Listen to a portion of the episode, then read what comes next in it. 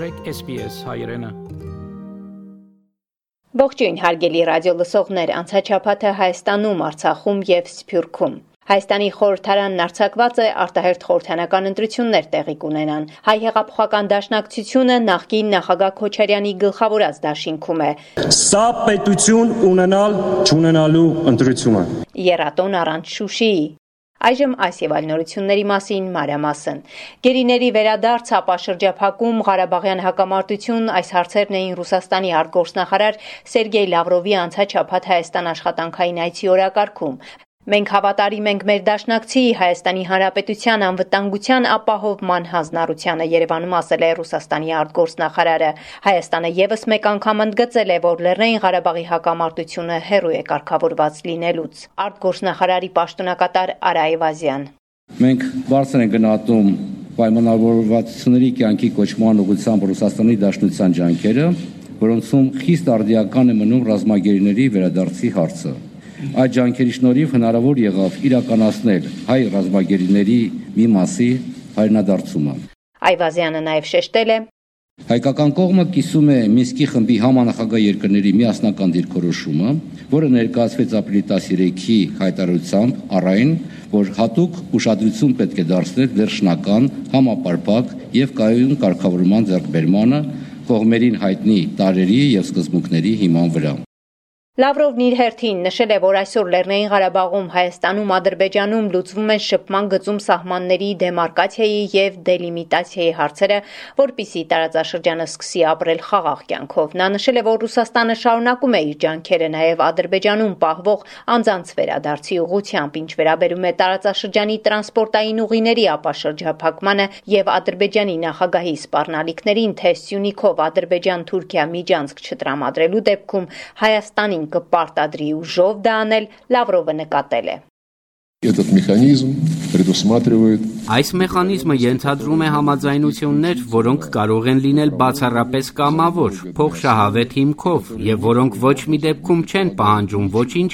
բացի դիվանագիտական համաձայնություններից եւ որոշումներից, որոնք թույլ կտան տնտեսական կապերն ամբողջությամբ ապաշրջափակել, которые позволят экономические связи полностью разблокировать. Երկրորդ նախագահ Ռոբերտ Քոչարյանը կգլխավորի վերածնվող Հայաստանի եւ Հայ հեղափոխական դաշնակցության նախընտրական դաշինքը Հայաստան անվամբ։ Նորաստեղծ դաշինքի նախընտրական ցուցակը գլխավորում է Ռոբերտ Քոչարյանը, երկրորդ տեղում Հայ հեղափոխական դաշնակցության Գերագույն մարմնի ներկայացուցիչ Իշխան Սաղաթելյանն է։ Վերջո,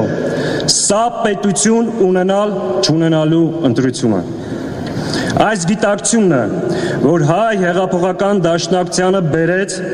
ուժերը համախմբելու միասնական ճակատով հանդես գալու որոշմանը։ Ռոբերտ Քոչարյանը ելույթ է ունեցել ազատության հրապարակում հրավիրած հանրահավաքին։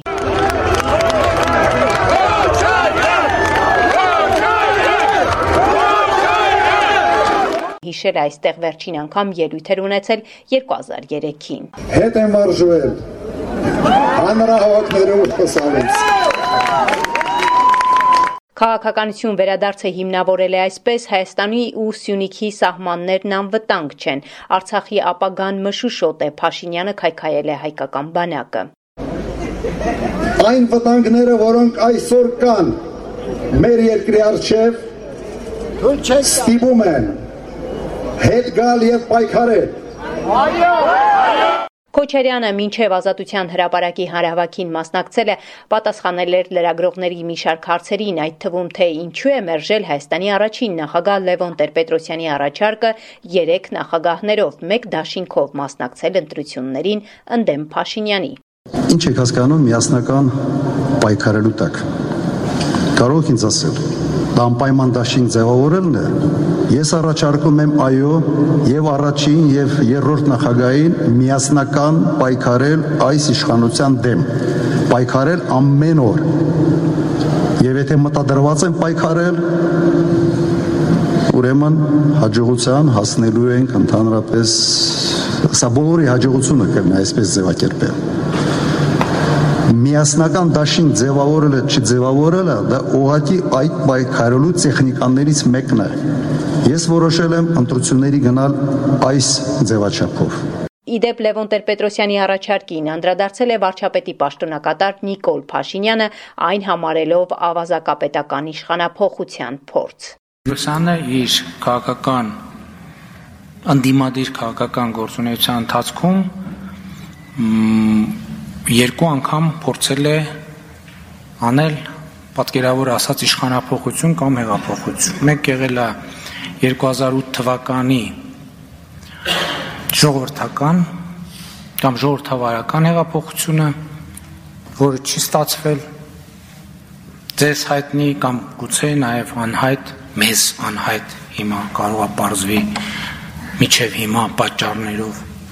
Երկրորդը եղել է բուրժուա դեմոկրատական հեղափոխությունը, որը որի ճակատագիրը բոլորս գիտենք, թերևս պարոն Տեր-Պետրոսյանը որոշել է կրկին փորձել եւ այս անգամ անել ավազակապետական հեղափոխություն։ Ես ուրիշ իմ կարգավիճակի բերումով մի երկու տերմին էլ կա, հիմա ուղղակի չեմ օգտագործում, բայց կռահեցիք ավազակապետականի շարունակությունը։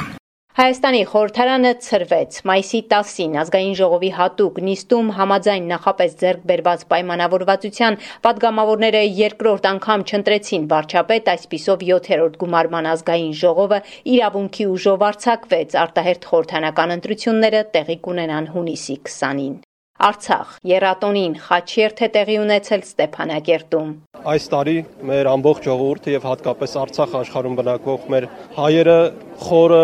վշտով, կսկիծով են մոտենում Արցախյան երաթոնին։ Այս խաչերթը նվիրված է այն բոլոր մարտիկներին եւ նահատակներին, ովքեր ընկան Արցախյան առաջին պատերազմում, ապրիլյան պատերազմում եւ 2020 թվականի 44 օրյա պատերազմում։ Մայիսի 9 երատոնը ավանդապես նշվում էր մեծ հայրենականում հաղթանակի, Շուշի ազատագրման եւ Արցախի բանակի ստեղծման օրը։ Շուշին, սակայն այսօր Ադրբեջանի վերահսկողության տակ է Շուշիի մատույցներում գտնվող Շուշի ազատագրման խորհրդանիշ տանկ հուշարձանի մոտ այս անգամ թեև փոքրաթիվ, բայց հավաքվել էին մի խումբ արցախցիներ, շուշեցիներ վստահեցնելով, որ Շուշիի անկումը ժամանակավոր է։ Ես լավատես եմ, հուսով եմ, մեր սերունդները կտենան նորը Շուշին վերցրած մեր Արցախի տարածքային ամբողջականությունը պահպանված ձգտենք հասնենք մեկ նպատակին։ Իսկ նպատակը մեկն է նորից ազատագրվի Արցախ աշխարհը, նորից ազատագրվի Շուշի քաղաքը ու դրանով արդեն կարողանանք մենք հպարտ քայլել այս հողի վրա։ Ստեփանակերտում մայիսի 9-ին հիշատակի խոնարհումի մեծարման միջոցառումներին նախագահ Արայիկ Հարությունյանի հետ մասնակցել են նախկին նախագահները Արկադի Ղուկասյանը եւ Բակո Սահակյանը։ Առաջին նախագահ Արկադի Ղուկասյանի խոսքով. Բայց մենք պարտավոր ենք նշել այսօրը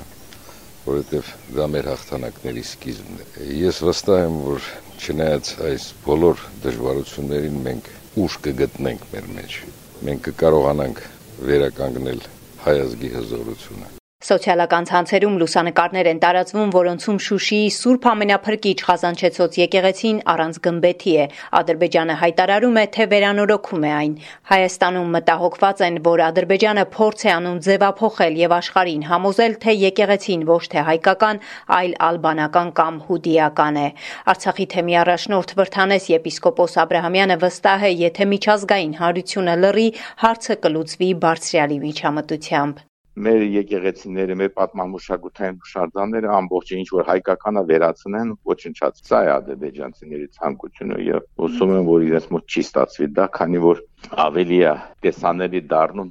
իրենց մտածածը։ Հիմա նույնը անում են գերեզմանակարերի հետ, Շուշիի ճանապարհին մեր գերեզմանակ պատմական գերեզմանոցն ամբողջը ավերում փչացնում, որպես շինանյութ են օգտագործում։ Սփյուռք Թուրքիայի քրդամետ ժողովուրդների դեմոկրատական կուսակցության հայ падգամավոր Կարո Փալյանը դատախազություն հայց է ներկայացրել թուրք падգամավոր Ումի Թոզդաղի դեմ, ով Փալյանի ապրիլ 24-յան գրառման մասին ազգայնական հայտարարություններ արել ու սպառնացել նրան։ Միացյալ Նահանգների կոնգրեսի ներկայացուցիչների պալատի 65 անդամից կազմված երկկուսակցական խումբը միացել է հայկական հարցերով հանձնաժողովին, կոչ անելով 100 միլիոն դոլար նյութական օգնություն հատկացնել Հայաստանին եւ Արցախին անցյալ անցյալ տարվա թուրք-ադրբեջանական ավերիչ հարձակումներից հետո։ Այս մասին հաղորդում է Միացյալ Նահանգների Հայդատի հանձնախումբը։ Ամերիկացի կոնգրեսականները նամակ են հղել ներկայացուցիչների պալատի արտաքին հատկացումների ենթահանձնաժողովի նախագահին, քանի որ սկսվում է 2022 ֆինանսական տարվա արտաքին հատկացումների նախագծի մշակումը։ Այսքանը անցնող շաբաթ է Հայաստանում, Արցախում եւ Սփյուռքում SBS-ի համար ամփոփեց Գիտա Կուզես լսել նման բանություններ, կընտրե Apple Podcast-ի, Google Podcast-ի, Spotify-ի վրա, կամ որտեղեն որ podcast-ը դուք լսես։